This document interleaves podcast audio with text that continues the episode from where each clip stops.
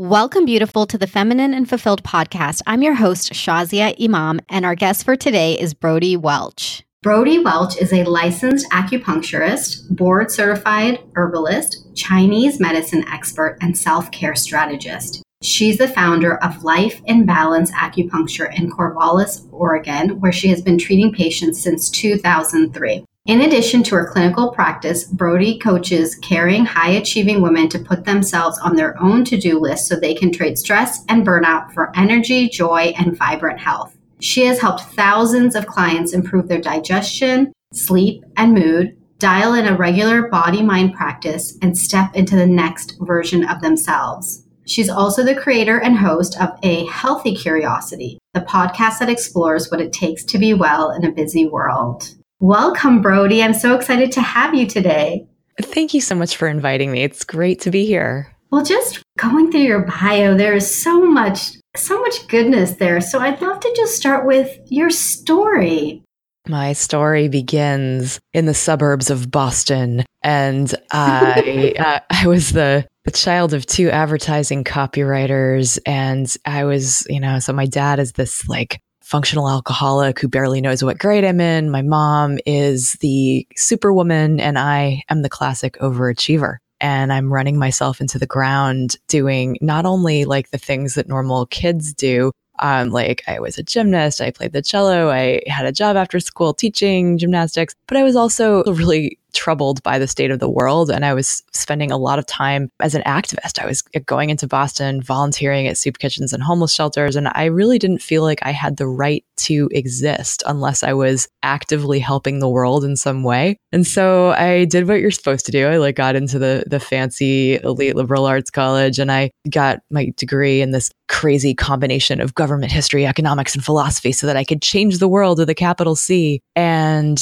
I realized that that was going to set me up for a life I was going to hate. So it was like this crisis turning point for me. And I had always been told that I'd had a gift for touch. And so I found myself going to massage therapy school at night while just doing a day job, like eight to five. And in massage school, I took a shiatsu class, which is body work that's based in Chinese medicine. And I just fell in love. And I knew that I had to learn more. It's like the theory of yin and yang, and everything is energy, and there's no separation between us and our environment, and the body, mind, spirit is all this one interconnected thing. That just hit me at my core as truth. And I just realized that that was what I wanted to learn more of. So I immediately went on to get my master's in Oriental medicine, which is acupuncture, Chinese herbs, lifestyle and diet counseling, and opened my practice in 2003. Wow. Okay. And you've been practicing ever since. I have indeed. Yeah. Wow. And that in 2003 is kind of before these things were popular. I mean, now it seems like, you know, Eastern medicine's really gained a lot of traction and these alternative modalities have become really popular. But back in 2003, I'm not sure that a lot of people had even heard about it. Yeah, really true. It's it definitely was not in the mainstream, and so it was kind of the onus was on me to educate people about what acupuncture could even do. And so I actually I moved to Corvallis, Oregon.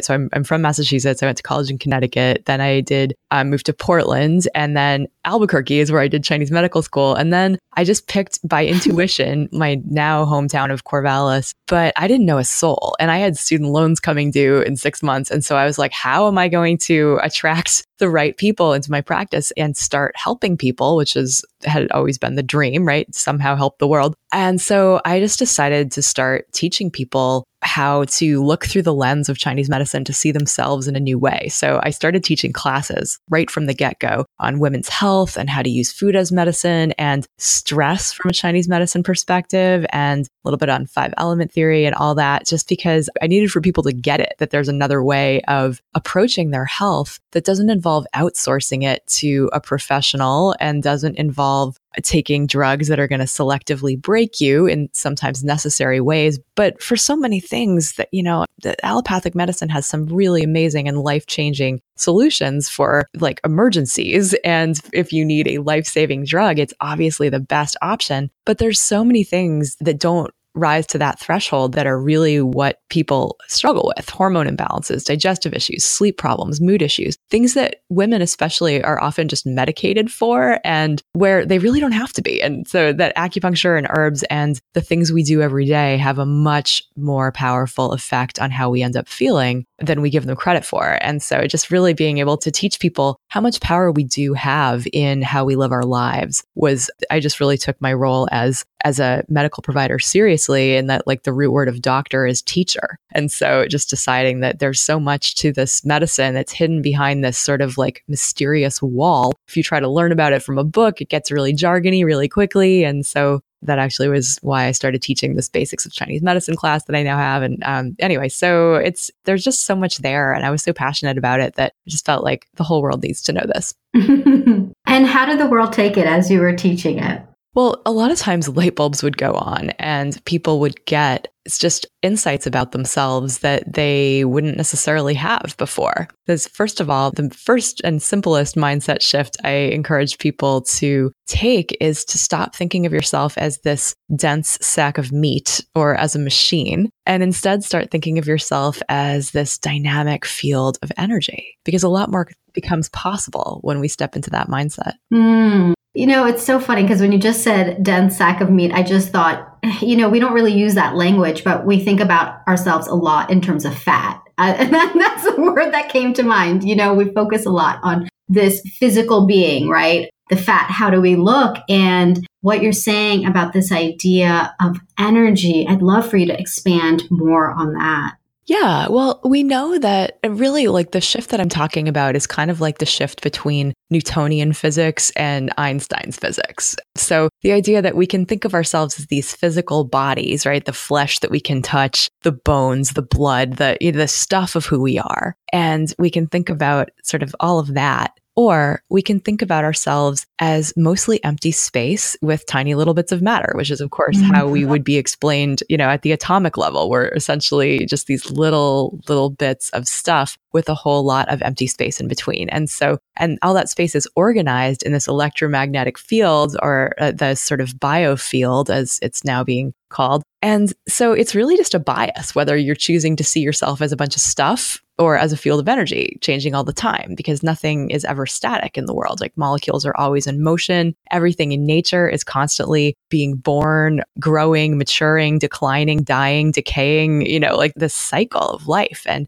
that that's happening within us right now. Every cell is undergoing that process or somewhere within that process. And so really it's if we think about the two major subdivisions of energy, yin and yang are these terms that we use in Chinese medicine, like that yin is basically the stuff and yang is the processes. And so you can think about yourself in that. And the goal of any acupuncture treatment or any application of Chinese medical theory is to create a state of balance that's based on yin and yang in each different organ system being in balance and in the organism as a whole. And so really it's it's uh it's thinking about the fact that everything that we take into our energetic field, whether that is eating food or listening to the news or interacting with another human being or with a pet or with a tree, that every bit of everything that we do has an impact on our energy field and some of it more profound than others but that also like our thoughts are a form of energy our emotions are a form of energy and of course our physical bodies are just very dense energy and energy is changing its different forms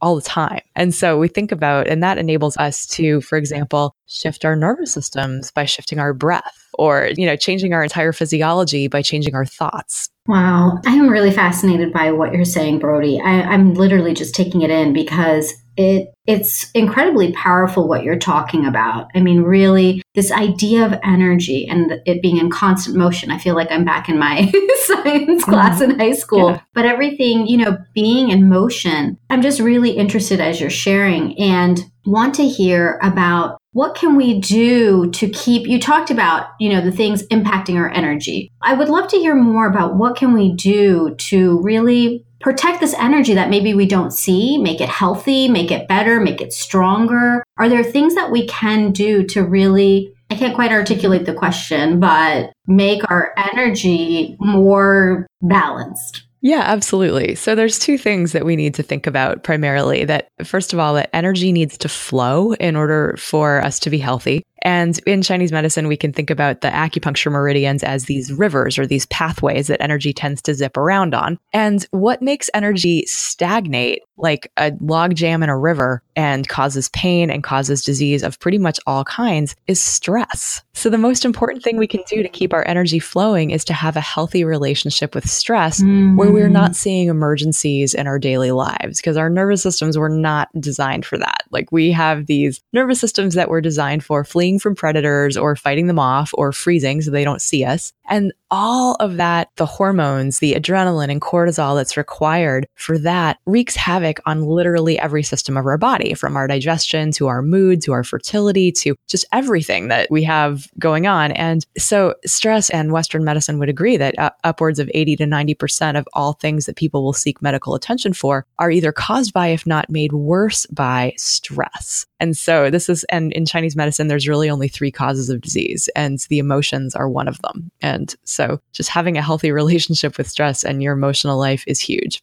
Another thing to consider is that like where energy comes from in the first place. So this is also not rocket science, right? We know that we need to sleep in order to have energy the next day, right? We need to go yin in order to have yang. But that energy is also we also get it from the air that we breathe, i.e. exercise or energy cultivation practices like qigong and the food that we eat also gives us energy or takes energy away if we're eating the wrong stuff or if we're not respecting our digestive systems because you're not what you eat you're what you can digest and process and make use of. You also can get energy or lose energy to how you're interpreting life, right? You can interpret life in a way where everything sucks and you're a terrible person and you live in a terrible world. Or if you digest life differently in a positive way where you're really okay with who you are and you actually feel good about yourself and the world isn't this awful place, um, but you actually are looking forward to getting up in the morning, that adds to your energy. Hmm. Okay, so I've got to go back to the stress sure. because this is something that affects all of us. And when you mentioned that our bodies, our, our nervous system is really not meant to have so much stress in our lives. And, you know, it was really built for these like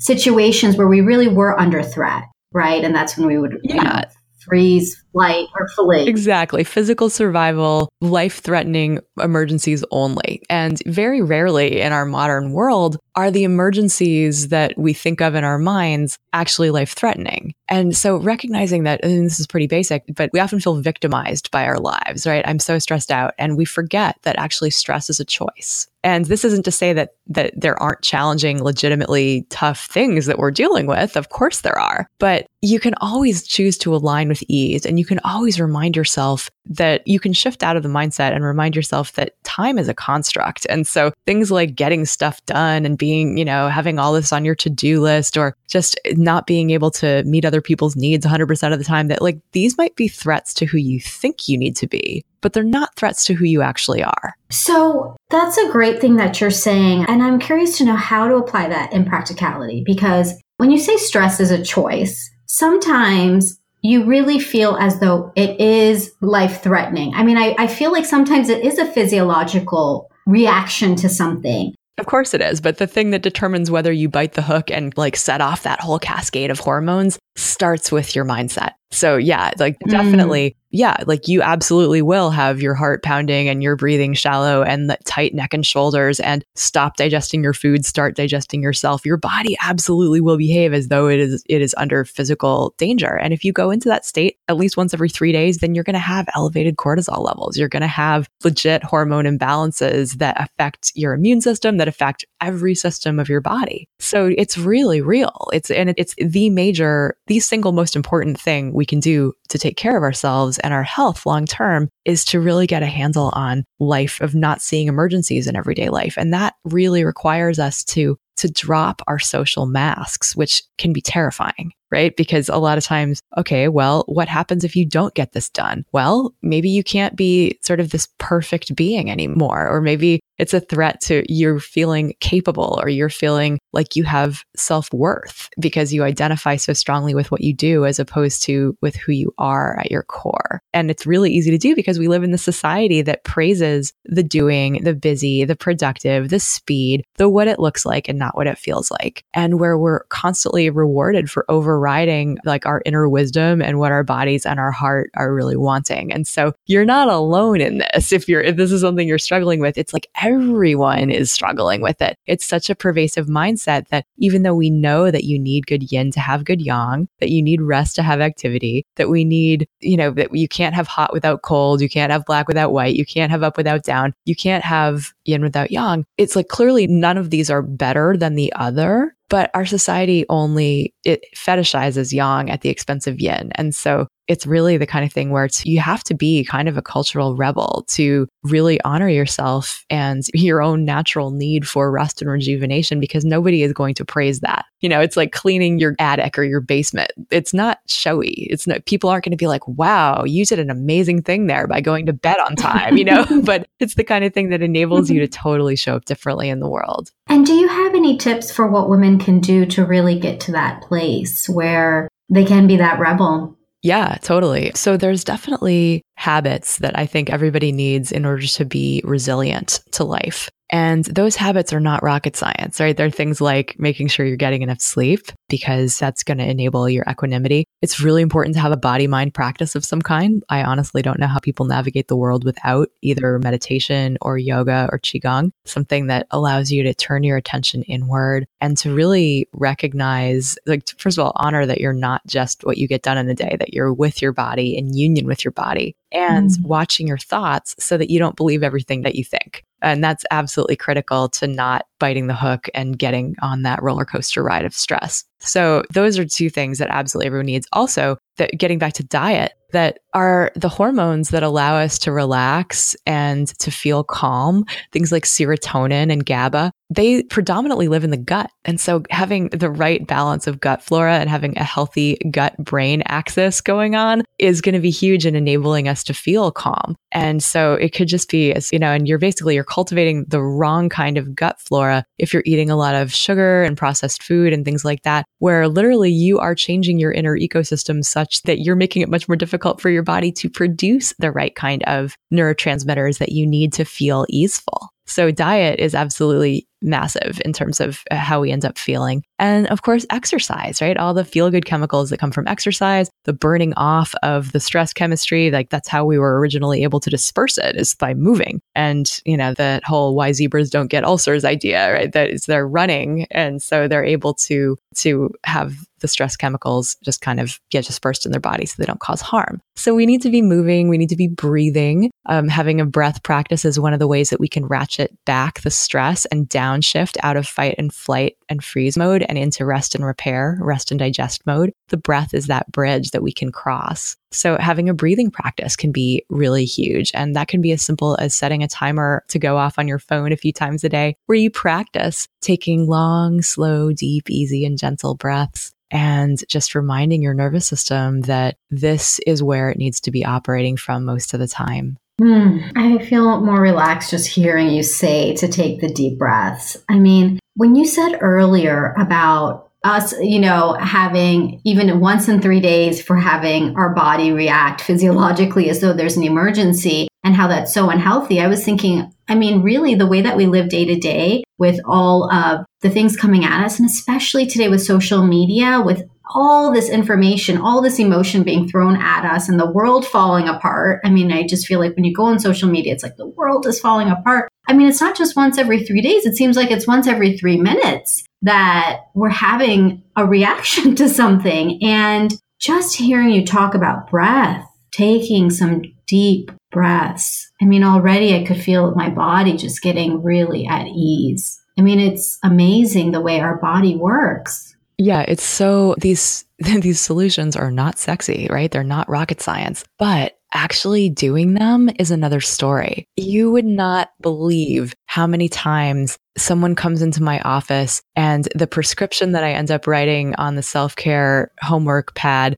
is something like breathe five times a day, you know, or, or give yourself a half an hour to unwind before going to bed or to start your day with 10 minutes of feeling into your center. People won't do it because they don't value the yin enough. So the other thing that is really critical in actually repatterning your nervous system is to surround yourself with people who will support you in this mindset Mm. That's why I actually have moved from just working with patients one on one in my office, but working with women all around the world in these self care support groups or boot camps, like self care boot camp, really, because it's like, it's all about everybody knows what we need to be doing to take care of ourselves. But the actual implementation of it is really, really tough because the yang addicted society that I was talking about earlier. Mm-hmm. And so, mm-hmm. really, what I was realizing is I was working with these totally smart, capable women who are all fired up when they leave my office to make a big change. And they don't necessarily know how to hack a habit loop. They don't necessarily know where they're going to have the most leverage. And if you try to change all the things at once, it's really tough. But ultimately, they're trying to go it alone and they usually are the healthiest person they know. And so, all their, you know, there's nobody helping them raise their bar. But getting these health minded, like thrive minded women together for a long enough time period to create the support needed to really change a habit and make it stick is all what I'm most passionate about these days because I've seen people make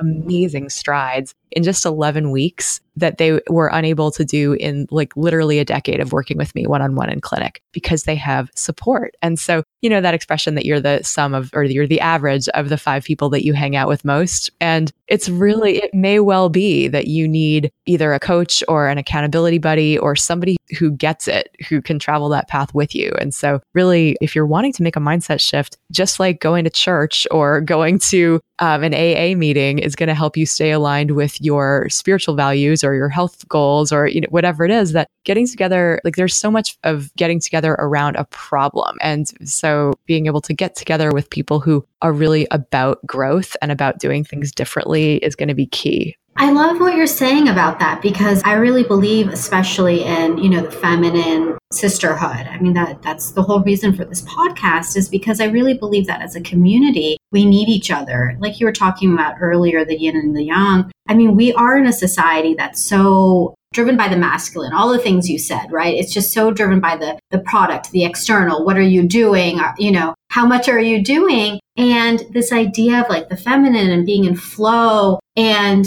being with others, being in community, breathing. I mean, all yes. these things, it's honoring the it's body, so right? Important. Honoring the body. Yeah. Yes. The sacred temple we're sort of sold this idea that if we have the perfect body and if we look perfect on the outside, we're going to feel amazing on the inside. And that is absolutely backwards, in my opinion. You know, you don't need to look any particular way in order to be in love with your life, right? And we as women, first of all, self care is a feminist issue, in my opinion, because there's all this cultural assumptions that women are going to take care of everybody else in their lives before themselves. And that is so pervasive, whether you're taking care of coworkers or your kids or your partner or your aging parents. It's like it's disproportionately going to fall to women than men. And women are going to have to work harder to get the same amount of money in return at their jobs as men statistically. And so like it absolutely is a, like a women's issue. And then as you were saying, like just the, the feminine is like, it's the body, it's the soul, it's the, it, it's the how we feel, it's the slowness, it's the moving in our own pace. It's feeling utterly aligned internally as opposed to aligned with something external or the standards of production or if like having it be out there instead of in here. And so it really is. And we as women, a fun fact, our nervous systems even have evolved for us to be in collective community with each other because there's this, in addition to the, the fight, flight, freeze reaction, there's something called the tend and befriend response because after the emergency's over, the women who are physiologically less equipped with muscles and size to be fighting off the predators are definitely hardwired to go and make sure everybody's okay, right? Make make sure that that everybody survived the attack of whatever it was and we tend to each other. So actually when we band together with our sisters, with our friends, we are friends of whatever gender, that we are actually helping our own stress chemistry go down.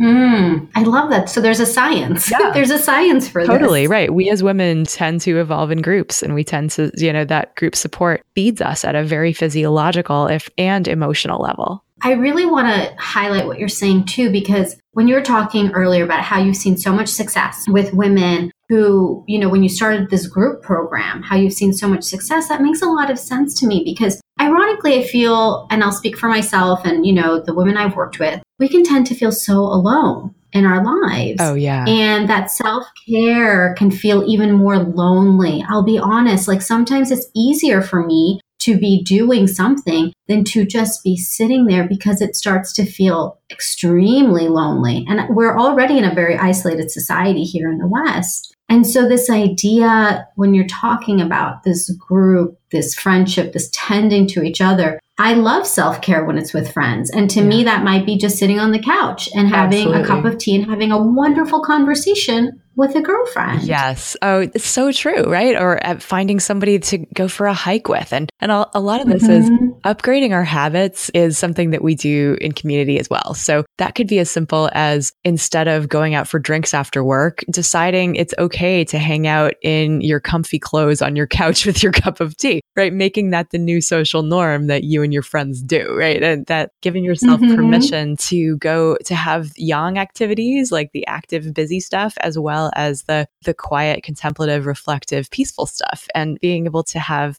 connected friendships that allow for both. Mm, oh, that's beautiful. I really hope that um, the women listening will really go and, and reach out to their friends and create this community or reach out to you, Brodie, and see how they can join since it sounds like you're helping women all over the world. And where can they find you if they want to connect with you and your community? Well, I've got a podcast called A Healthy Curiosity. And so that's a place to tune in if you're interested in getting uh, self care tips and strategies about how you can take better care of yourself. And brodiewelch.com, Brodie with an IE, Welch with a CH, is how to connect with me. I've got all sorts of freebies on there, like a breathing break that you can download. I have the Right to Take Care of Yourself manifesto. And if you are interested in getting, like, really bridging that gap between what you know you need to be doing to take care of yourself and actually doing it, I would love to work with you. And just if you are an action taker, you can hop on a call with me and see if you're a good fit to be part of my exclusive group coaching programs that get massive results. So, yeah, I'd love to connect with anybody out there who's thinking, like, I deserve better. I deserve, I am smart. I am capable. I am sick of putting myself at the bottom of my to do list and I'm ready to start really leveling up. That's what the program is called is level up your life. Hmm, level up your life. I need to have a conversation with you too, Brodie. Sounds good. after, after having this conversation. On my calendar. I'd be happy to. so before we end today, do you have any final words of wisdom that you'd like to share for our listeners? Well, really, you're worth it. You're worth taking care of. And one of the things that I think helps my inner dialogue, because I am a yang addict and I will tend to go, go, go and put the work first and put conditions on my ability to relax. This is totally hard won wisdom, by the way. This is not something that just comes easy to me. It's something that I literally struggle with each and every day, but have, uh, I've made some tremendous strides in the past 20 years. But anyway, if you are finding yourself in that position where self care is a struggle, I'd like for you to think about your best friend or maybe a little kid or somebody that you just feel utter love and compassion for. And imagine if she was saying to you, I'm really struggling here. I'm so stressed out. I have all this to do. I'm just going to override what my body's telling me and force myself to sit at this desk for another four hours and, you know, override my need for sleep, override my need to move, just feed myself what is easiest, the quick carbs instead of what's deeply nourishing. You would probably not be like, yeah, suck it up, keep doing that. You would probably tell her, sweetie, it's okay to take a break. It's okay if it doesn't all get done today. It's okay to take care of yourself. It's okay to get some rest. It's okay to go for a walk. It's okay to pet your cat. It's okay to enjoy your life, not just get through it. So I want you to tell yourself that just like you would tell that to your best friend. Thank you so much for that, Brodie. I'm going to take that advice and I wish that for all the listeners. I mean, I believe in every single woman who's listening that you are worth it. And Brodie, thank you for everything that you shared today. You gave some really great tips. And the podcast that you mentioned, A Healthy Curiosity, I would highly recommend that everyone go and subscribe right now. If you're already listening to this podcast, just go hop on over and search for Brodie's as well. And we'll include all of the links and resources that you have to share, Brodie. We'll include those in the show notes for those people listening. And we really appreciate your time and your intelligence that you shared today and your deep compassion. Thank you so much. Oh, Shazia, it's been a true pleasure. Thanks so much for having me.